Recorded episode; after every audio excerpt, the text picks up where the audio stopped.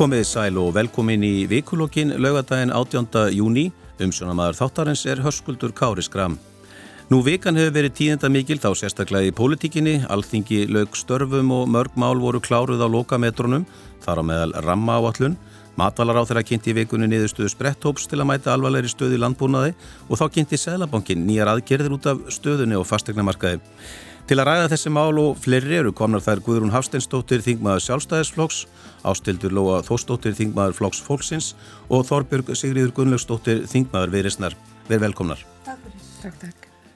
Guðrún, mér langar að byrja á þér. Þú ert formaður efnaðs- og viðskiptanemndar og það hefur verið talað um ástandi í efnaðasmálum. Við erum að sjá lítið atvinnleysi, hingastreima erlendir ferðamenn og almennt viðrist þeirra mikill uppgangur en á sama tíma eru viðvöruna bjöllur að ringja. Við erum að sjá, sjá hækkandi stýrivexti og almenna dýrti í landinu. Erum við að stefna henni mikla óvissu tíma? E, við erum náttúrulega búin að, já, góðan dag, alltaf ég að byrja á því að segja. Við erum auðvitað búin að vera núna í, í, á þriðja ár, kannski í ákveðnum óvissu tímum, þar sem við erum búin að vera að glíma við heimsfaraldur, uh, kórunuveiru og allavega ég er að þenni kynnslóð og, og, og fólk sem er bæði eldra og yngra heldur en ég að við höfum ekki upplifað svona viðlíka faraldur eins og núna en sem betur fyrir að þá búum við, við það mikla tækni og framfærir í laknavísundum að við höfum ekki séð svona gríðarleg eh, döðsföll eins og við höfum kannski séð í faraldrum fyrri eh, á hérna fyrri tíma En allt þetta leiði til þess að það hefur orðið mikið róf, uh, uh, við sjáum það í aðfangakeðinni, við sjáum það líka að ríkistjórnir uh, mjög margra ríkja gripi til þessar ás að pumpa út fjö út í hagkerfi sín til að reyna að halda öllu, uh, öllu gangverki gangandi. Við sjáum heila atvinnugrein út um allan heim leggjast af nánast sem er ferðarþjónusta og uh, og svo þegar að e, allt fer að fara aftur hjólinn fara að snúast á nýjan leik að, að þá veldur þetta vandraðum og ofan í þetta fáum við síðan e, stríð í Evrópu. E, þannig að jú, vissulega eru ákveðin merki en þau eru að mínum að þetta er bæði jákvæð og neikvæð. Það sem er til með sérstatt hér á Íslandi núna er það að, e, það er gríðarlegu skortur á starfsfólki og út í atunlífinu, ég heyri það e, bara, það er alveg sama við hvernig tala sem er í aturrekstri, það vantar öllum starfsfólk og e, það er talað um að yfir helmingur fyrirtækju í Íslandi að það sé skortur á starfsfólki. Okkur vantar fólki í allar greinar, okkur vantar í ferðarþjónustun, okkur vantar líka sérfræðinga uh, hugbúnaða gerin okkar að hann hefur verið að stakka sem er mjög jákvægt og verið að eblast uh, núna í gegnum til dæmis heimsfaraldurinn. Og þar vantar okkur sérfræðinga og það eru ekki nema nokkra vikur síðan að það var ákveða ákall eftir því að það vanti um 9000 sérfræðinga inn í hugbúnaðageran og uh, þannig að ef okkur tekst ekki að, að manna stöður í atunlífinu að þá mun það hamla hagvexti. Það er bara, það er alveg augljóst. Og svo er þetta svo margir þættir sem komi inn í þetta vegna þess að svo er skortur á húsnaði og já, það er talað um á næstu tveimur árum okkur muni vanta um 20.000 okkur íslendingum muni fjölga um 20.000 á bara tveimur árum. Það eru rúmlega 9.000 íbúðir og það er skortur núna á húsnaði. Þannig að þetta helst allt í hendur. Og, en, en þið voruð, þið voruð að kynna hérna, það var, voru gerða breytingar á fjármála áallun ríkistjótarinnar eh, til næstu fimm ára og inn í þeim pakka voru svona afhaldsaðgerðir mm. uh, og þess vegna spyrum að sko með við það ástand sem er í gangi er virkileg þörf á aðhaldsaðgerðum þá? Já, við þurfum auðvitað líka aðhals, aðhaldsaðgerðir til þess að halda í við verbulguna sem er orðin mikil, mikil miða við það sem veru hefur síðustu ár og við viljum ekki sjá svona háa. Þannig að það þarf auðvitað að bregðast við því líka og, og en við sjáum það líka eins og í fjármála áallinni að það ríkir ákveðin björnsinni það ríkir ákveðin björnsinni að, að Íslands efnaðast líf halda áfram að vaksa og dafna og að við náðum að greiða niður skuldir en við þurfum sömu leiðis að gæta aðhalds. Ástöldur hérna talað um verðbólguna, þú hefur lagt fram frumvarp um tímabundna fristingu, verðtriðra, lána, uh, máli hluti ekki afgriðslu í þetta sinn en, en hérna hvers vegna er þetta svo brínt að, að þínu mati? Já, ég náttúrulega hef verið formadur hagsmunarsamtaka heimilina núna frá 2017 og náttúrulega lendi í því sem að gerast þetta síðasta hrjön og þó að aðstæðu séu allt aðra núna að þá er engað síður bara fyrirsjáðanlegt hvað er að fara að gerast.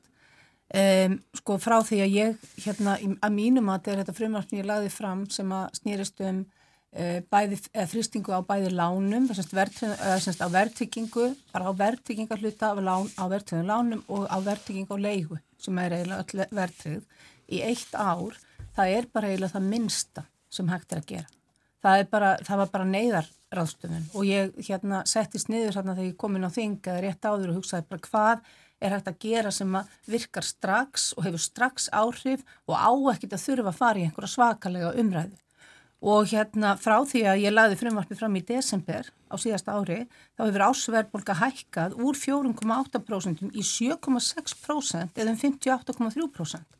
Þetta, þetta er hækkun sem er bara fyrir sjálflegt að haldi áfram. Og hérna það sem að þetta gerir við til dæmis, við, við erum strax farin að sjá þetta sérstaklega í leigunni það sem að fólk er, það sem leiga er að hækka bara um 20.000 um, við heyrum dæmum dægin um, um 70 konu sem að fekk, sem að var að borga 198.000 í leigu og nýr samningur hljómar upp á 230.000 þessi peningar eru bara ekki til á heimilum fólk sem er á leigumarkaði, það sem að er gríðarlegu fjöldi þeirra sem verst standa í samfélaginu. Og það sama má segja um þá sem eru fastir í viðjum verðtriða lána ennþá og hafa ekki geta að losa sig úr þeim, það er fólk sem hefur ekki já, staðist greiðslumat fyrir, hérna, fyrir óverðtriðum lánum.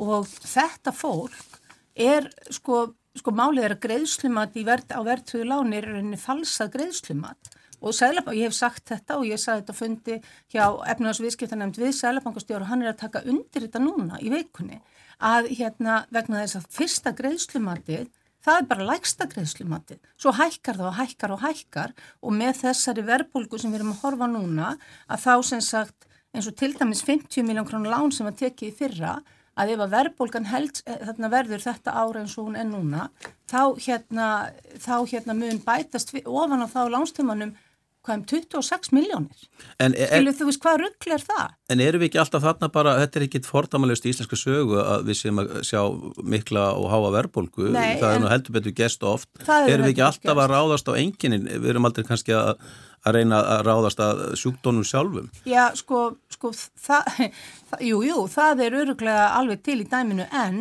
og jú, öruglega rétt, en hittir svona mál að það er engin siðmentu þjóð með verð til lán fyrir neytindur nema Ísland, ekki neyn og það er af einhverjum ástæðum og ástæðan er svo að þetta eru, þetta eru bara lán sem eru talin skadleg fyrir neytendur, þetta eru flókin afleðu lán og það á enginn að þurfa að vera með þessi lán. Og við erum að beina þeim sem vestir og stattir í vestu lán sem til eru þar sem að þau losna aldrei úr skuldaferinu verða það bara þingist og þingist og þingist róðurinn eftir því sem álýður og þetta er bara ekki ásættanlegt. Ég vil náttúrulega bara afnuma verðtrygginguna með öllu. En það er ekki, ég vissi það alveg, ég myndi ekki koma því í gegn þessari aðtrænu, það var alveg ljóst.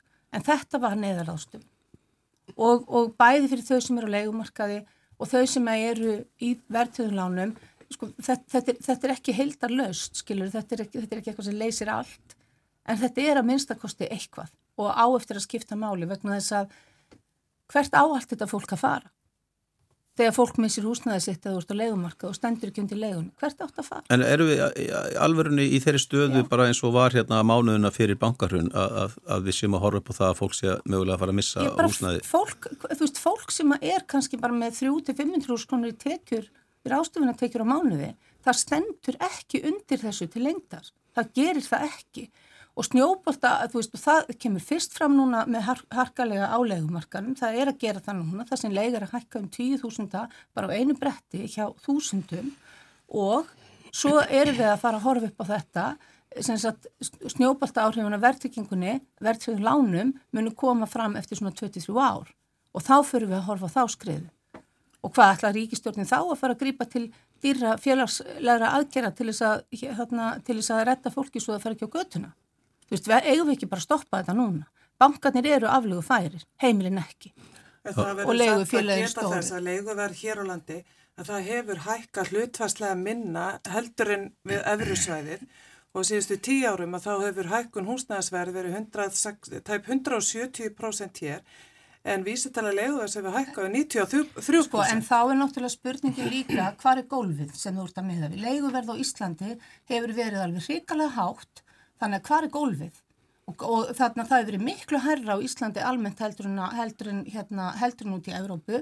Og þannig að þegar þú talar um að hækka minna það bara, þú veist, þetta snýr, snýst um ráðstöfuna fyrir fólks og allt það. Og fjöldi fólk sem eru á legumarka eru öryrkjar með kannski 300 krónir í tekjur. Og eins og varaþingmaður flokks fólksinn sem kom inn hún í vikunni sagði í, í sinni eh, jómfrú og ræðinu og alþingi hann er að borga 62% af tekjum sínum eða ráðstöfuna fyrir sínu í leigu og svo 3,5% í, í hérna í, í nöðsynlega liv, þannig að 65% eru bara farin þarna og hann er á strípum örkbótum og leiðan hans er bara búin að hækka um 10% þessu ári. Þorbjörg, hér er verið að tala um verðbólgu og það sem hefur náttúrulega áhrif á verðbólgu er líka útgjöld ríkisins. Mm. Þið hafi verið að gaggarina þessa skuldasöfnun í viðreist, mm -hmm. tellið að ríkið hefði átt að fara fyrr kannski í einhvers konar aðhalsaðgerðir. Mm -hmm. Er þörf á niðurskorið núna að ykkar matir hinnlega? Það er þörf á aðhaldi og mér finnst miklu máli skipta þegar við erum að tala fyrir því að því þörf á aðhaldi að, að þá þarf, þurfa þær aðgerðir ekki vera þannig að við séum að fara inn í grunn þjónustuna heldur en að taka þessa þætti sem á e, skera niður í. Það er, það er þannig núna og það er áhört að lesa skrifmargra fræðumanna sem er að tala um að það er aðstæður sem, sem er að teiknast upp síðan í líkingu við það sem að tala um að ennsku svona the perfect storm að hérna, við erum annars vegar með bara ó, ó, mikið fjármagn í umferð vegna aðgerða ríkistjórna e, gegn COVID á sama tíma og við erum með eh, tafir e, eða framleiðslunhögra e, og, og hérna, stríðið í Úkræni bætist við þannig að þetta eru flóknar og, og dramatískar aðstæður á heimsvísu og þá eru tækin cirka tvö. Það er annars vegar og helst þannig að þeim sé beitt saman. Það eru ríkisfjármálinn annars vegar og þá er annarkvort hægt að fara í það að, að sína aðhald og bara vera ábyrgi ríkisrekstrinum og það er nú það sem við hefum gaggrínt ríkistjórnaflokkana fyrir að það er svo daburlegt að við erum að fara inn í þessa erfiðu tíma þannig að e, ríkisfjörður er ósjálfbar. E, ríkisfjörður var vittlisum veginn við línuna þegar allar aðstæður í afnæðasmálum á Íslandi voru í lægi. E, þannig að það er eitt. Um, og, og hinaleðinar eru þá að, að, að, að skoða, skoða tekjuhliðina. En af því að hérna er verið að ræða sko, stöðuna á, á fastegnamarkaði þá er það auðvitað líka breyta þegar við erum að tala um verðtriði lán og þau séu bara til á Íslandi að hérna, að því þú talar um hvort við séum alltaf bara kroppi í afleggingarnar að þá er auðvitað gjaldmiðlin okkar og myndin ábúrslega stór breyta þar. Það er af ástæðu að fjárfestar eru svo mikið að fjárfesta í fastegnum Uh, einfallega vegna þess að það er mjög erfitt að, að spara eða fjárfesta í krónu sem er svona bara eins og korktappi á úthafinu. Það er hlut af egnabólunu sem hefur orðið til og sem er núna í dag að, að bytna svona alvarlega á, á unga, unga fólkinu. Þess að þeir sem eiga fjármagnið, uh, þeir eru að kaupa steinstipu og búa til verðbólu og egnabólu þannig. Þannig að, að hérna þegar þú ætlar að ræða myndina þá þarf við að ræða hana alla. Þegar við erum að vísi í einhverja sér íslenskar aðstæður og þá þarf að ræða allar breytur um það hva, hvað er, hvað er, er, er sér íslenskt í, í þeim efnum. En við sjáum að það er verðbolga víða í Evrópu, söguleg verðbolga. Við sjáum líka að selabankar til að mynda í Breitlandi já, já. voru að hækka og í bandaríkjunum er að hækka stýrivexti? Algjörlega og ég er alls ekki að halda í fram að verðbólgan sé einstæmi á Íslandi, menn þetta er mynd sem er á, á heimsvísu, menn við sjáum að verðbólgan í bandaríkjunum er yfir 8% 9% í Breitlandi uh, þetta er sama myndin á Norðurlöndunum og í Þýskalandi. Uh, við vorum fyrr af stað hér en annar staðar en við erum ekki í herri en, en, en vaksta umhverfið á Íslandi Eh, það er eins og það er og hefur eh, alltaf eh, verið sér að báti.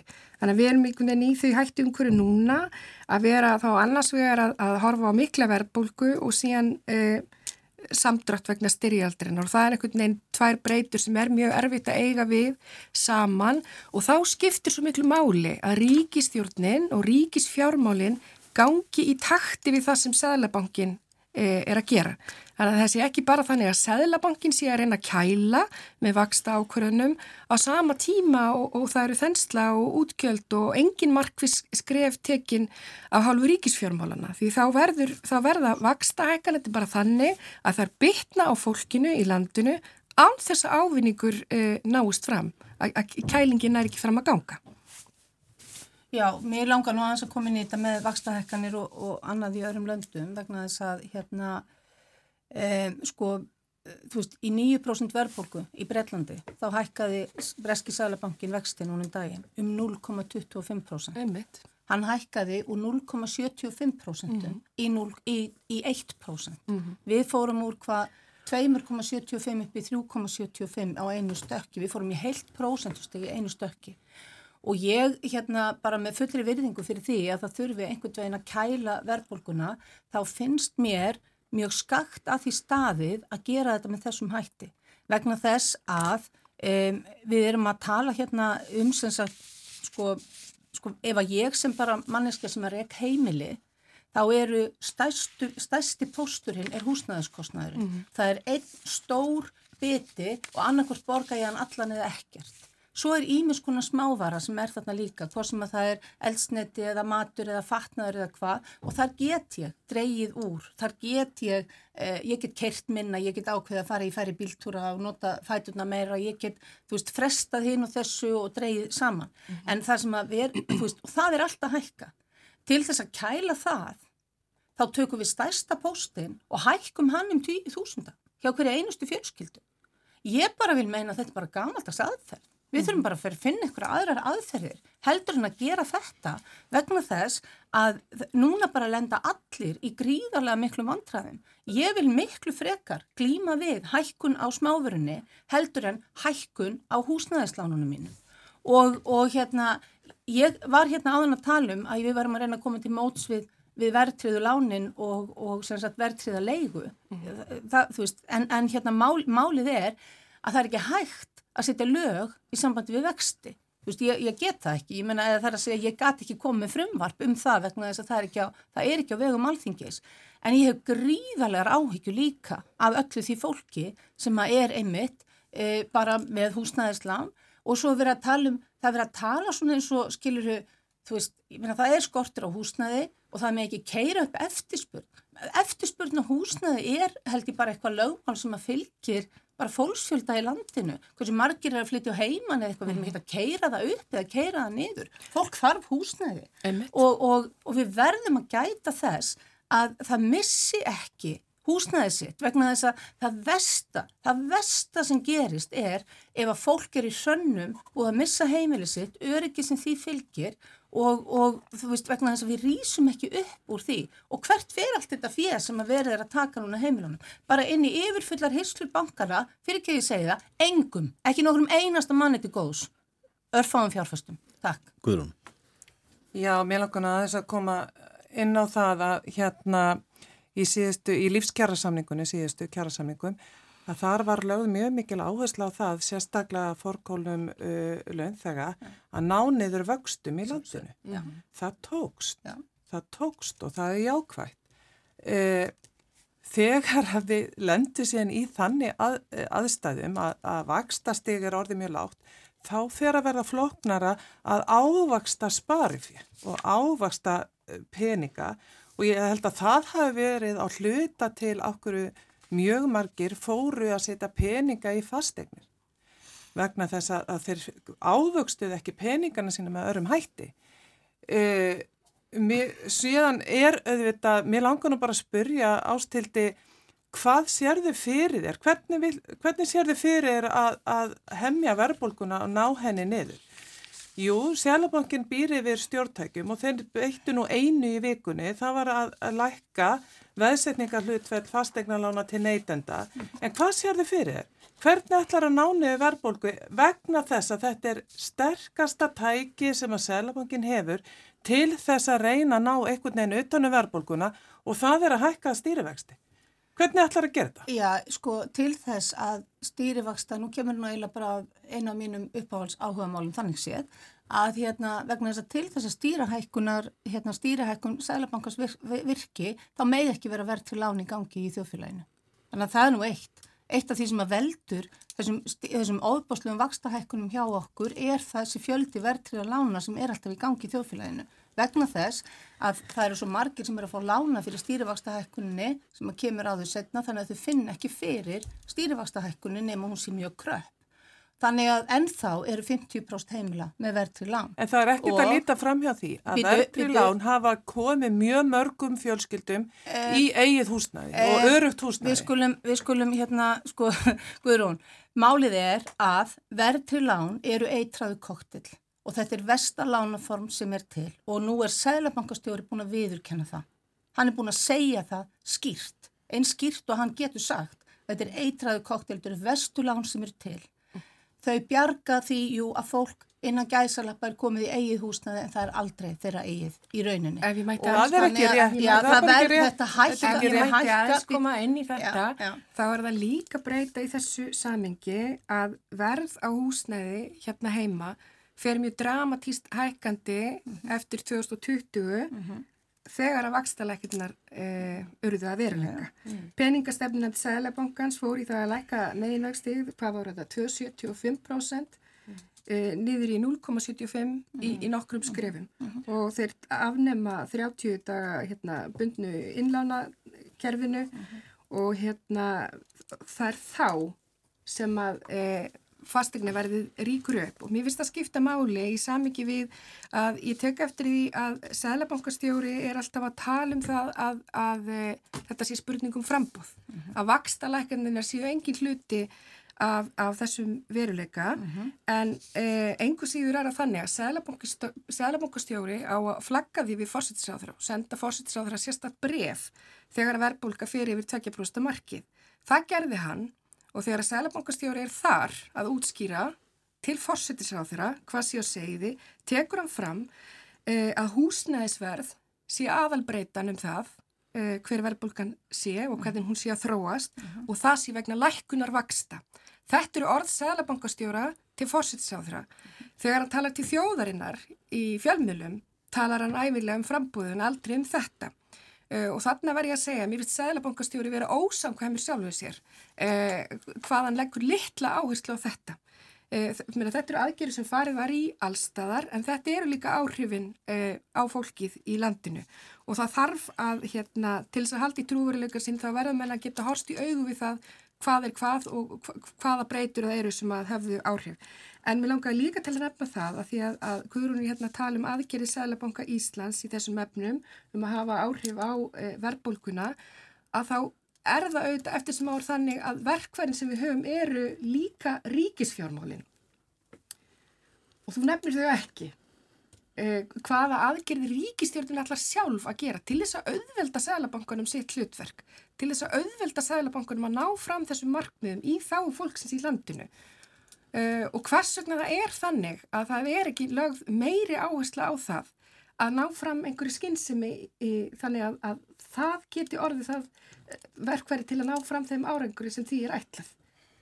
Guðrun, þú vil kannski svara þessu? Já, mér langar nú aðeins að fá að koma inn á því að, Þorbjörg hún nefnir hér e, frambóð húsnæðis og það er alveg hárjætt að hér hefur verið skortur á frambóð og húsnæði. Ég er að spyrja þeim um ríkisjármáli. Já, byttu, ég ætla, ég ætla að fá að svara spurningunni. Já, hún var um ríkisjármáli. Hérna, og það auðvitað hefur áhrif, áhrif á fastegnaverð á Íslandi þegar er skortur. Mm. Uh, en ég var að vísa líka... til orða seglabankastjóra sjálfs. Má ég, má ég svara? Má ég svara?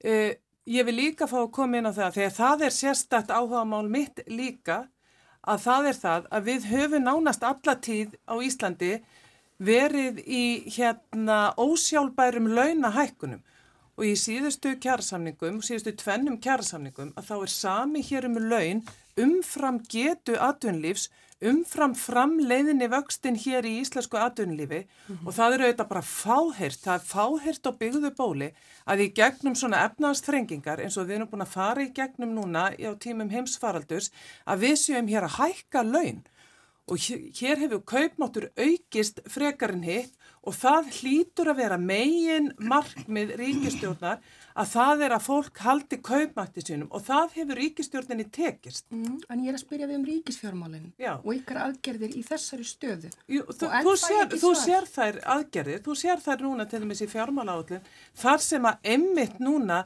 ríkið er að stiga inni með sparnaraðgerir, með aðhalsaðgerir til þess að halda í á móti verðbólkunni. Þú ert búin að sitja á þinginu núna í vikunni, þú veist þetta, það er búið að ræða þetta. Auðvitað veit ég það. Þannig að það, það er líka þetta aðhalskrafi eins og við komum að, að hér í upphafi. Það er aðhalskrafa líka á ríkið að við séum ekki hér að stökka úti í mikla útgjálta aukningu emmi þegar að er þensla og við mm -hmm. þurfum að ná niður verðbólkunni. Mm, það er það sem ég er að tala um. Og við erum að því. Við sitjum hérna, Guður, við sitjum hérna Guðrún Hafstinsdóttir, Þingmaður sjálfstæðisflokks, Ástildur Lóa Þórsdóttir, Þingmaður Flokks Fólksins og Þorbjörg Sigriður Gunnlaugsdóttir, Þingmaður Virisnar. Þið hefði aðeins komið inn á þetta með Selabankjan og þessa aðgeri sem kynntar voru í vikunni. Það er semst veðsetningar hlutvall fastegnalána fyrir fyrstu kaupendur lækkað úr 90% í 85%. Mm -hmm. Þetta þrengir stöðu ungs fólks til að komast inn á fastegnamarkað. Mm -hmm. uh, Er þetta skynsalega aðgerður og er þetta ekki sérstaklega þá að bytna á þeim sem eru kannski uh, til er að tekju lagsta hópnum, mm. ekki fólki sem getur fengið einhverja verulega aðstóð frá fóreldraum eða skildmennum? Ég held að það sé nefnilega punktur í þessu og ég skil mjög vel eh, gremju þess hóps, annars vegar þá fyrstu kaupanda, unga fólkið og hins vegar eh, fólki, fólksinn sem er fast á leikumarkaði. Það enginnir íslenska leikumarkaði umfram til dæmis veruleikan á Norðurlöndunum að fólk sem er á leikumarkað upplif sig vera þar vegna þess að það þarf að leia, ekki vegna þess að þessi val. Verulegin er annar á Norðurlöndunum hvað þetta varðar. En er munurinn ekki sá hvað það varðar að, að á Norðurlöndunum þá er auðveldra að fá svona langtíma leigusamling? Jú, jú, leigu, leigu, leigu aðstæðnar eru aðrar en þar voru. Þannig að ég, ég hef, hef samúð með því en eh, varðandi sko stöðuna við hverju er verið að bræðast að því að þá skiptir að líka máli við fastegna kaup að vaksta stig sé stöðugt það var nú eitt helsta slag og sjálfstæðsmann í síðustu kostningum. Þetta væri lágir og stöðir vextir eins og það væri framtjármúsík þess fólk sem var að fara inn á fastegnamarkaðin. Það kom nú annað aldeilis á daginn og það var meiri segð þannig að aðalhagfræðingu Sælabanka sagði áður en að stjórnasáttmálinn var skrifaður að verðbólgan væri að fara upp. Þannig að var e, þessi veruleiki, ég held að allir sem að hafa keift sér húsna á Íslandi vita það Eh, Verðbólgan fór ekki að staða bara á Íslandi, sko? Nei, nei, ég átta með því, en Ver, þið voru einhver síður að tekna upp þá mynd að hér væri hérna einhver framtíðarmjúsík sem hefur bara aldrei verið í íslensku verilöki að, að hérna Sjálfstæðsflokkurinn stendur fyrir ábyrga og stöðuleika. Já, en þú maður sýnir það í verki.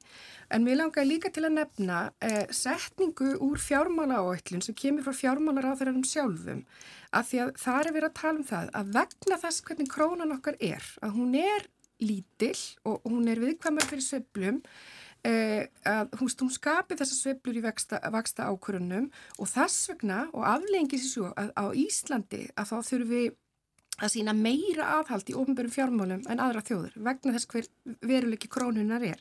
Að ríkisfjármálinn þurfum með öðrum orðum að taka starri þátt í baróttunum við verðbólgu af þessari ástæði um, og mér finnst áhugavert að þetta viðurkenni fjármálar á þeirra í sinni einn fjármála áætlun en það vantar hans upp á að haugðunin sé í samræmi við það. Sko ástildur, við langar aðeins að ræða stöðu ungsfólks á fasteignumarkaði líka að því að það er verið að þrengja sko, þeirra stöðu, allavega möguleika til þess að kaupa fyrstu íbúð. Uh mhm. Er þetta ekki svolítið ósangjart gagvart ákveðnum tekjuhópum? Sko það sem að hérna einhvern veginn er alltaf með allar aðgerðir sem stjórnvöld fara í til þess að hemmja verðbólkuna, þær kom alltaf niður það sem síst skildi mm -hmm. og það er eiginlega það sem að er svo skjálfilegt. Eh, það var áður nefnt hérna, þú veist að ávöxtun á sparifið, þú veist það er ekki nóg hafur vextir á því, af hverju ekki? Bankarnir er í byllandi hérna hagnaði, okkur eru þeir ekki með hærri áhustunar, hærri vexti á, á hérna innlánu, heldur en þeir eru með. Ég meina, þú veist, hver er þeirra að sökja því? Það, það, er bara, það er bara eitthvað sem það er að skoða. En, en sko, og, og hérna, og það, ég, ég fyldist mjög náið með nákomni fólki fara á fastegnamarka núna í, á þessu ári og þetta er skelving. Þetta er bara, þetta er, þetta er algjör viðbjóslega ljónagrifja það sem að yfirbóðin eru bara hvert að fætur öðru og, og þetta fólk setti fram, ég man ekki 12 eða 15 tilbóð, ég að minnst að kosti þremur tilfellum kom einhver með peningan á borðið, það var yfirbóðin voru 10-15% yfir og svo framvegis og svo framvegis. Það ræður engin við þetta og, og já, það er verið að þrengja virkilega ungu fólki og það er verið að þrengja það sem síst skildi. Það ætti frekar kannski að setja einhverja hömlur á hvað fólk má eiga margar fastegnir að eignar að, að, á einhver enga hlutafélug sem eiga fjölda fastegna og annað þess. Kanns, þú veist, við þurfum að skoða þessa hluti en það má aldrei gera neitt sem að kemur niður á þeim sem sterkast standa. Það verðist alltaf vera, nei, vá, þá erum við að grýpa inn í einhverja og setja einhverja hömlur og, og banna og hefta frelsi eða eitthvað. Það snýst ekki um frelsi þetta, þeirra, þetta snýst ekki um frelsi þeirra, þetta snýst um og áasnúast um að fólk þarf að koma sér það ekki yfir höfuðu. Og ég er búin að vera, þú veist, ég er búin að vera að hugsa þetta hérna, við erum alveg, sko, við erum að ræða hérna alls konar svona teknilega hluti og það er þetta vittna í ímislegt en sko bara það sem eftir stendur er að það er bara, eru þúsundir annarkur komin í vandræði eða að lenda í miklu vandræði og ég vil bara minna það að heimilin eru grunnurinn á hafkjörunu ekki fjármálafyrirtækin, ekki fyrirtæki hér og þar þó að þau skipti, ég, veist, ég er ekki að gera lítið úr mikilvægi þeirra, en hvert einasta fyrirtæki í landinu með beinum eða óbeinum hætti byggir afkomin sína á, á heimilum landsins. Vegna þess að þau, alveg sama hvort að þú ert bara að selja, hvað við segja, í hérna einhver, einhver sagt, hvort sem þú ert að selja sagt, kveitið eða, eða snúðin sjálfan, það eru heimilin sem mm -hmm. standa bak við þetta, allt og ef að þau hrinja og ef að efnahögu þeirra hrinur hvað hva stendur þá eftir og það þarf að fara að meðhundla heimilin sem einhvers konar sem, sem mikilvegan þátt en ekki bara sem, þú veist, ég, ég hef stundum á tilfinningunni að það þurfum við að fara að sitja kvóta og hvað með taka á heimilunum. Skilu, það er bara, það er bara, það er bara frjálsveiðilefi, það má alltaf taka meira af þeim, alltaf. Og þegar talaður um að laun hafi hækkað og mikið, er það. Ég meina það hér er líka bara fullt af fyrirtækjum sem búin að vera með miljardar hagnað, alveg bara blúsandi hagnað á undanfjörðum árum, alveg hellingur.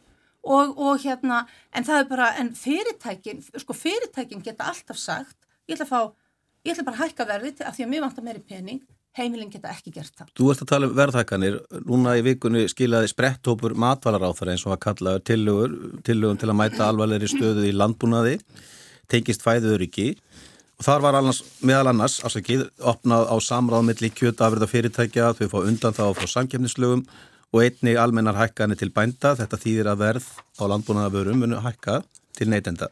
Guðrún, þetta er bara meiri verðbolga og frekari byrðir á heimilin. Já, því miður. Við erum að sjá alveg fordæma að lausar, til dæmis ráðveruverðshækkanir, afsakið. Við erum að sjá gríðarlega, og að því við erum búin að vera að tala hér um hérna, hækkun á húsnæði að við erum búin að sjá það núna að á byggingarefni er búin að vera alveg gigantískar hækkanir á timbri, stáli, steipu og, og, og svo framvegis sem við höfum eftir að sjá fara inn í, í hérna, byggingakostna. Þetta eru hækkanir sem hafa orði á þessu ári eins og við vitum þá tekur um tvö ára að byggja hverja íbúð þannig að maður hefur auðvitað gríðarlega ágjör að því að fastegna, þessi hækkun á fastegnaverði að hún er eftir að koma fram enn frekar. Mm -hmm. það er alveg sama hvar þið ber niður, hvort sem að það er uh, áburðaverð til bænda, uh, plasti sem þeir þurfa að nota til þess að vefja utanum sínar heyrúlur eða, eða ólíja eða hvað sem er það hefur allt hækkað alveg gigantist. Hefði, Þetta hefði, getur ekki komið eitthvað starf út nema þá í hækkun verðlags. Já, en hef, hefði mátt þá kannski til að mynda að lækka totla og innfluttum landbúnaðarafurðum til þess að já, hjálpa neytendum? Mm -hmm. Já, ég held nú bara að bændur í allstæri heiminum er að glíma þess að sömu verðhækkanir. Þannig að það gleimist, mér finnst það svolítið gleimast núna hér við þetta borð, að við erum ekki núna í einhverju sér íslenskum aðstæðum Við erum, allur heimurinn er að glýma við það sama.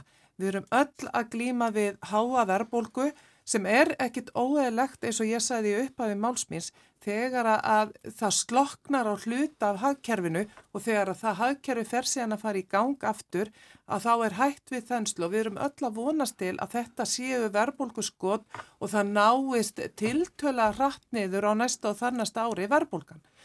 Uh, uh, við erum að sjá núna, við, ég var nú bara að sjá frettum hér hjá ykkur á Rúfi gær, alveg fáherða þurka í Evrópu, þar sem að lítur núna út fyrir uppskeru brest í Suður Evrópu ofan í allt annað. Eh, ég, ekki, ég veit bara ekki alveg hvernig Evrópa ætlar að halda hita á íbúðun sínum næsta vetur ef að það á ekki að kaupa gasið og olíu frá eh, Rúslandi. Þannig að e, þetta er þessi óvisa sem þú spurðið mig um í upphafi sem að er fyrir framann okkur og við höfum ekki svör við. En við erum svo óendalega heppin hér á Íslandi að við getum þó allavega kynnt húsin okkar og, og, með, hérna, með orku sem kemur úr yðrumjarðar og erum þar að leiðandi ekki háði jarðarni elsniti eða þeim hækkunum. En við þurfum mörg hver að glíma við hækkun og elsniti og, og sérstaklega bændur sem eru núna að kæra traktora og búvelar sínar á olíu og en, þetta mun hafa áhrif. En ein varandi elsnitið að því að nú fór lítirinn yfir 350 krónur í vikunni ef ég maður rétt, ja. gæti ríkistotni komið þarna og, og sagt erum við ætlum að lækka aðeins skjöld á elsniti? Sjálfsögðu getur það. En mér langar aðeins að koma inn í þetta. Ríkistotnin gæti gert það en hefur ákveðið að gera það ekki vegna þess að það er búist við því að þetta gangi hratt niður. En ef ég má eins inn í, koma inn í umræðana um, um spretthópin að þá er þetta alveg rétt sem að, að Guðrún segir að þetta er bara staða sem að mjög mörg ríki standa fram með fyrir að það eru verðhækkanir á þessum helstu áþöngum og staða bænda þingjast mjög verulega vegna þess.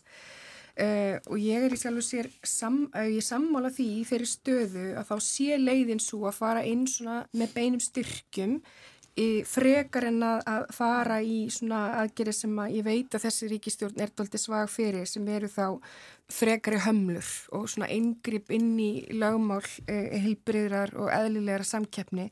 Þannig ég tek undir það eða svara þeirri spurningu játandi sem með hvort það hefði verið eðlilegt að fara fá samhliða í það að lækka totla á innflyttar landbúnaðurafurðir að því að það, það stakk mig aðeins, ég vil kannski fyrst hrósa matvælar á þeirra fyrir að hafa unnið þetta hratt og, og koma tilugur hratt á borðið.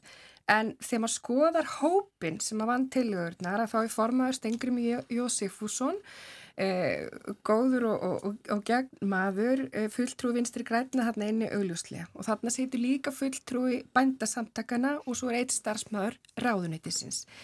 Eh, það sem mér finnst vanta þarna eru þá bara hagsmunir neytindana einu sem oftar. Alveg sem við erum að tala um fólkið í landinu varðandi sko veruleikan um, um hvernig er að kaupa fyrstu íbúð á Íslandi í dag. Eh, eða veruleika neytinda varðandi bensínverðið. Hver verður veruleiki neytinda núna þegar að matakarfan er að rjúka okkur öllu valdi? Og mér finnst rödd neytinda sem er ekkit annað en fólkið í landinu svo oft gleymast hjá ríkistjórnunni og ég tók eftir því að fulltrúið að formar félags atvinnureikanda eh, nefndi þetta líka með að hafa ágjur af því að þarna inn eru líka tilugur um tímabinnar heimildir, kjötframleganda til samstarfs. Þessar heimildir eru til í dag en að þú fara að tegja því lengra í þá átt og þá ertu farin að koma inn í eh, eh, mjög nálat einhverju línu um óeðlilegt samstarf sem hamlar eh, eðlilegri samkeppni. Þannig að eins og segi við þessar aðstæður aldrei að beinu styrkirnir séu rétt að leiðin, menn að við viljum öll standa vörðum íslenskan landbúnað og standa með honum í þessum erfileikum en ekki fara í frekari Uh, hindranir á samkeppni og mér hefur fundist eðlilegt segi, að fara í það að skoða þá tollana samhliða og gera aðtjóðasendir við það að, að fulltrúi neytenda eða bara vestlunarinnar hafa ekki fengið að vera með í þessari tilhuggerð. Ástildu það að vera að tala um að matarkarfan allavega hvað íslenska landbúnar afurðir uh, varðar muni hækka um 10-20%. Mm. Þetta náttúrulega hefur áhrif á stöðu heimilana, þetta hefur áhrif á verðbólgun og svo framvegis. Þetta er dramatíska áhrif á stöðu heimilana. Já, algjörlega. Mér langar nú bara svona, svona að sko segja, ég fagnar því að sko ég held nefnilega að við séum búin að sjá það núna að ef, ef við hefum einhvern tíma séð það að við þurfum að tryggja matvæla öryggi á Íslandi og það náttúrulega eru bandur, bændur algjörlega undirstæðan þannig að þú veist, ég bara, þú veist, þannig að að að hafa mikið sér, sértækt vit á þessum málum og þá bara virkilega þarf að gera það. En hérna, sko, ég minn okkar að taka undir með henni Þorbjörgu um hérna, um sem sagt það að neytendur fá aldrei að koma að málum og við erum núna þarna að tala um í sambandi við matalaverð, þar eiga neytendarsamtökina sjálfsögðu að eiga fulltrúa. Mm -hmm. og mér langar líka nefni því sambandi að þá langar mig að nefna núna hagsmunarsamtök heimilana sem eru 8600 manna samtök, ég vil að benda á ef við verðum út í Ameríku þá veru 8,6 miljónir í þessum samtökum, í Amnesty International yfir heimir um 4 miljónir, mm. við erum hjúts. Við erum, við erum risastór samtök ef að litið er á hana fræðu höfðatölu. Okkur er aldrei bóðið í samtal við ríkistjórninu í sambandi við húsnæðismál og samt í sérfræði þekkingin þar, hún er meiri, það er einandira, heldur um bara, þá er ég ekki að tala um endilega mig persónulega, heldur bara það sem að við sem samtök og okkar starf, okkar fólk hefur, bara meiri, heldur um bara viðast hvaðan stað. Og, og hérna, við erum aldrei köllu til, við erum aldrei sæti við borðið, okkur tekst kannski að tróða að einhverju álitið eitthvað, við erum annars aldrei köllu til og, og hérna svo langar mér líka bara aðeins að fara í einmitt nákvæmlega þetta þú veist uppskjöruprestu, stríð, heimsfaraldur mm. allt þetta sem er framöndan sem að Guðrún nefndi á það við erum farin að ljóma hérna eins og veist, eins og ykkur heimsendarspá auðvitað það er ekki þannig sko, það er margt gott á Íslandi, ég vil bara segja það. En við verðum líka sko, hvernig getum við í þessu ástandi eða segja, er ekki bara nóg fyrir heimilin að díla við það þarf líka að hækka húsnæðiskostna mm. er ekki nóg að díla við það? Er það ekki bara að fara að slá á þensluna og verbulguna þegar þetta hækkar allt saman hvortið er þá fer fólk að draga saman seglin. En þarf endilega að setja þetta líka setja fólk upp á náðamiskunlegu stórulegu félagana eða bankana. Þarf það, er ekki hægt? Vist, vist, málið er get, veist, fólk getur þetta ekki. Það er bara, veist, ég er komin fyrir vind, veist, ég er búin að, en ég er búin að upplifa hvernig þetta er og ég vil ekki að nokkur einasta manneski aftur upplifa það. En ég komin fyrir vind núna. Ég á eftir að þóla á þeim launum sem ég er á sem þingmaður þó nokkrar hækkanir, án þess að finna neitt brjálaðislega mikið fyrir því. En ég veit ekki hvernig það verið ef ég væri að þá kennaralönunum mínum. En við verðum samt og getum ekki litið fram hjá því og við getum verið þakklátt fyrir það að kaupmáttu launa, hann hefur haldist núna á Íslandi og við sjáum ekki aukningu í vanskilum. Við sjáum ekki aukningu í vanskilum húsnæðislána hjá böngunum eða lífeyrisjóðunum og, og það er vel. Egna myndun fólks hefur aukist og það skýrist vitaskuld af hækkun fasteinavers við skulum hérna halda því til haga. Þannig að staða heimilan á Íslandi, hún hefur heilt yfir ekki verið svona góð í mjög langan tíma eins og núna þessi misserinn og við verðum, við getum ekkit litið fram hjá því. Veistu það? Við... Síðan eru hér hópar sem að búa við lagari kjör og við eigum að grýpa þá hópa. Þegar að eignamyndun verður ekki út af því að skuldir heimilana lækki heldur af því að pappisverð egna þeirra hækki, það er ekki eðlileg egnamyndun. Það er í rauninni og það borgar engin neitt með egnamyndun og í rauninni kemur þessi egnamyndun þannig séð engum til góða vegna þess að flestir sem að selja húsnæði sitt þurfa að kaupa annað húsnæði sem þá hefur hækkað í sama hlutfalli. Annað er og það var eitthvað annað sem ég ætlaði að segja þarna, staða heimilana aldrei verið betri, já, vanskil ekki aukist. Þegar við erum farin að sjá vanskil aukast, þá er vandin, orðin, sko, þá, þá, þá er, er, er kerfið hrunið, svo má segja. Við þurfum að koma í vekk fyrir það. Það sem fólk er búið að vera að gera á undanförnum árum er að endur fjármagna. Það er fjöldi fólks búin að vera því. Það er búið að endur fjármagna og laga hlutina, það er búið að auka við skuldi sínar í takti við þessa miklu eignamyndun sem er orðin. Ég menna, eignamyndun á mínu, fastegnahækkun á mínu húsi var 34%. Hvaða byll er það? Ég lef ekkert á því.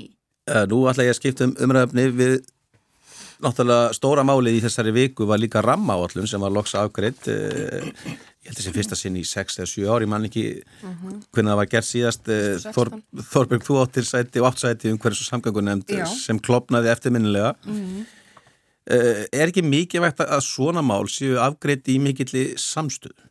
Það er mikilvægt en síðan held ég að sé til eitthvað sem heitir pólitískur raunveruleiki og, og það þarf í sjálfu sér ekki vera áfyllistómur að fólk sé ósamála. Því við heyrum alveg að umræðan er ásala pólariseru það, það þú veist þeir sem eru hérna harðir virkinu sinnar og, og, og svo eru það þau sem að tala fyrir verndun nánast engungu.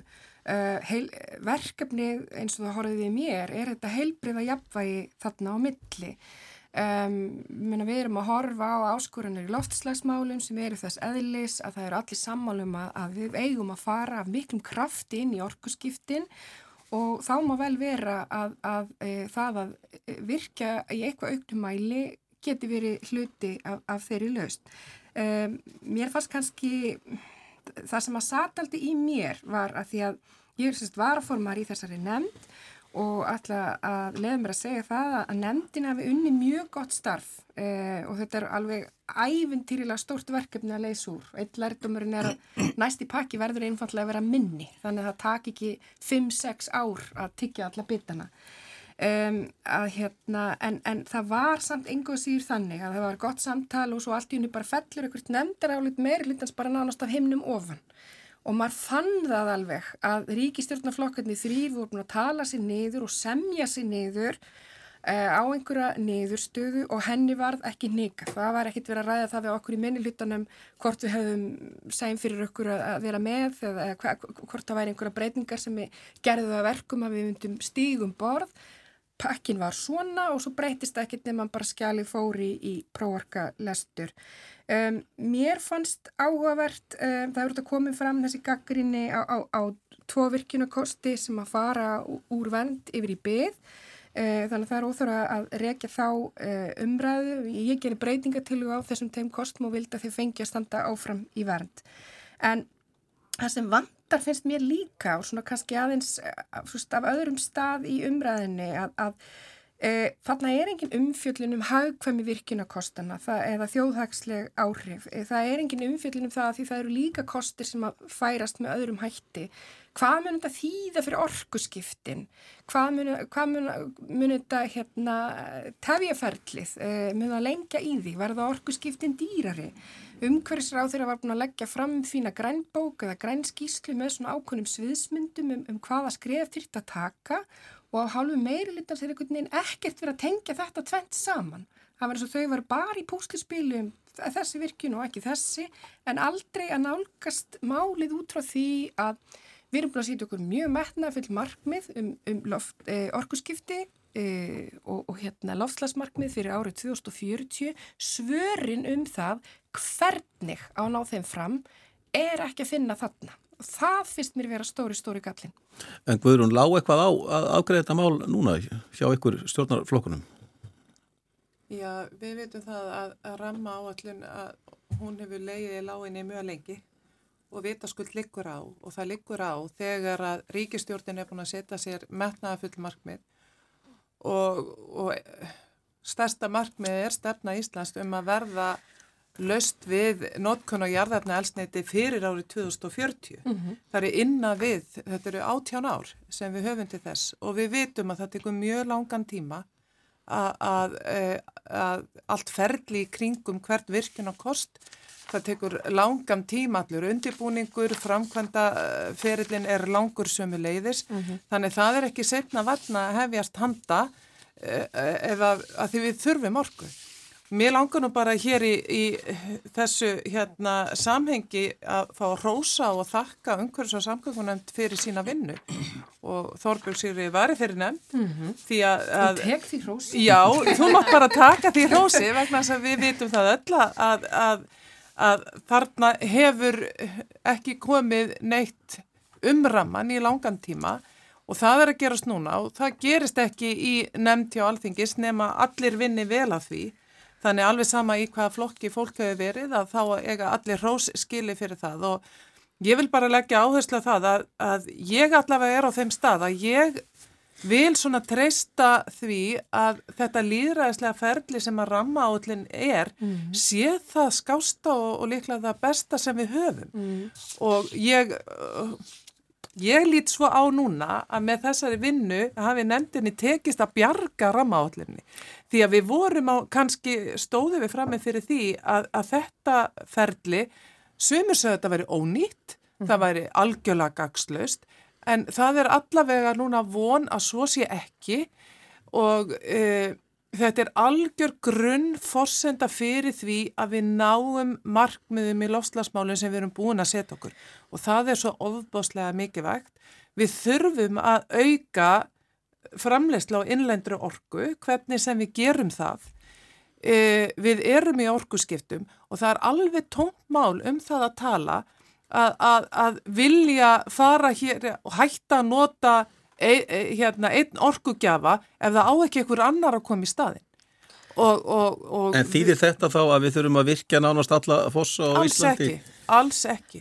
Guðislof, nei, nei, alls, nei, alls, alls ekki. ekki. Heldur er það... En ég myndi aðeins bæta við og, og rósið að þá til dæmis var eitt mikilvægt púsl í þessu var framlag orkustofnunar sem að kifti út einhverjum 28 virkunarkostum eða, eða valmöguleikum sem nefnd, sparaði þá, nefndinni þá vinnu að hérna, þurfa að fara að rína gögg sem að hérna, engin virkinar aðli var á, á bakvið um, þannig að hérna, ég er sammála guðrun í því að vinnan var góð og eins og ég segi, þetta er þetta heilbreyða jafnvægi þarna mm. á milli um, Ég sá einhvern veginn verkefni líka þannig að það er svona vísindana og fræðingarna svaraði sko um, hvað markmiði um orkuskipti krefjast mikillar orku og, og hvort að sé þannig að það þurfi að virka í þeirra þáu eða ekki.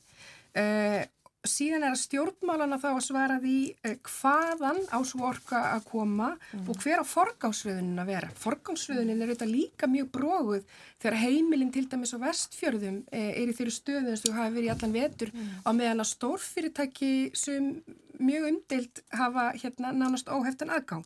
Það er pólitísk spurning og að það sé stjórnmálan að svara því hvernig, og, og ég beini því til meiri hlutans, hvernig ætlaðu að ná fram eh, orkuskiptum og kólefnislutleysi fyrir árið 2040 og það fannst mér vera svona stóri, stóri gallin eftir alla þessa góðu vinnu að því svo fer meiri hlutin í það að kroppa, hérna, gera breytingar og alþingi má gera það og á að gera það. Það er hlutverk alþingis að taka þessu ákvöruna því að alþingi ber ábreða því en eftir stendur að ríkistjórnin hefur ekki svarað því hvernig á að ná fram þessu markmiðin og rammin er þetta hluti af því þannig að þar hafa þau eins og svo mörgum málum þar sem þau eru einfallega ósamála og það vinur sannarlega ekki með þeim að vera svona breytin eða svo í tala um bara skilja við. Ásteldur, hver er ykkar afstæða til þessara áallunar um, um orku skiptin og, og ramma áallunar? Já, við náttúrulega stiðjum orku skiptin í flokki fólksins og, og hérna eh, við erum sannlega svona svolítið á miðjunni. Við teljum að það þurfi að virka, ég menna það er búið að vera hérna að tala um rávorkuskort og annað á landinu en við þurfum að sjálfsögðu þarf að fara að varlega í þetta þess að gera þá játningu hérna, ég er svo skjálfilega léleg í landafræði að ég vissi vel eitthvað hvað staðir þetta voru sem við að tala um. má maður segja frá því. En hérna, það, þú veist, það er bara svo leis að, að hérna, þannig verið að tala um alls konar staði og, og hérna og ég bara eins og ég segi, maður sér myndir að þess og maður hugsa bara, vá, þetta er æðislegt og ekki má virka og allt það, en þetta er þetta er svo sem ekki mín sérgrein. En hérna, við erum sem betur fyrr með fólki floknum eins og Egil Almarsson sem að, hérna, er alveg sérfræðingur í, í svona málum. Og, og við hérna sem sagt e, við sem sagt við styðjum sem sagt, jú það verður að vera ramma á allun alveg klárlega, við vorum ekki ánað með alla breytingarna sem þetta voru gerðar. En hérna sem sagt bara já, en við viljum sjálfsögðu, bara það þarf að beita við þurfum að nota landið okkar af skynsemi og gæta umhverfinu líka. Og ramin er gott verkværi. Já, hann er, hann er það Og, og ég vil nú bara fá að nikja á því að, að því það er spurt hér hvort að þurfa að virka hverja sprænu, svo sannlega ekki. Nei. Rammin er þetta verkværi sem við höfum til þess að meta kosti e, við eigum eitt fallegasta land í heimi mm -hmm. og við viljum öll standa vörðum það og ganga um það landa mikilli ábyrð Alkjörlega. og það viljum við ríkistjórnaflokkarnir gera og þess vegna er það svo farsælt skref að það sem var stíði vikunni með ramanum því að nú munum við geta tekið hvern virkjur kost fyrir sig og meti það. Og nákvæmlega eins og Þorbjörg Sýri hér segir það þarf líka að, að meta hagkvæmni hvers kost. Og hérna því að ég held að uh, sko sumi kostir sé einfallega bara of dýri til þess að borgi sig að vera að fara inn á ákveðin svæði. En hérna en uh, það er alveg klárt að við þurfum að framlega meira rammagn hér á Íslandi. Við erum alveg að vera að búið með tíman. Eh, það er svona séður í þessum þætti að spyrja fólk svona hvað er framöndan. Já, helgin er bara nýbyrjuð og þetta er þryggjata helgi. Hvað er framöndan hjá þér? Já, ég er búin að vera föst í því allan dag þessi sunnudagur, en hérna, heyrðu, það er nú bara indislega, ég átti indislegan þjóðháttíðardag í mínum heimabæi hverager í gær og, og í dag ætla ég að gera tventa því sem mér þykir skemmtilegast að gera, ég ætla að fara heim og vinna í gardinu mínum. Og svo ætla ég að elda mat og fá góða vinni í kvöldmat sem sem er eitthvað sem að maður hefur ekki gett að lift sér í langan tíma að vera sjálfur, ég hef ekki elda mat í marga vikur. Þorbjörg. Kannast þess við það því að hérna, þjóðtíða dagur minn fór nú bara eiginlega í það að hérna, vinna stóran sigur á þvóttafjallinu á heimilinu Það býður mín. Já, en í dag, eða bara núna og eftir er ég að fara að hitta tvær gamlar vinkunur úr, úr MR í Brönns. Sá fyrir mér að ég væri kannski fengið mér jafnvel kvítvinsklass með. Og síðan eru við maður á leið til spánar á morgun þannig að við erum að hérna fara að pakka. Í hittabilgina þar?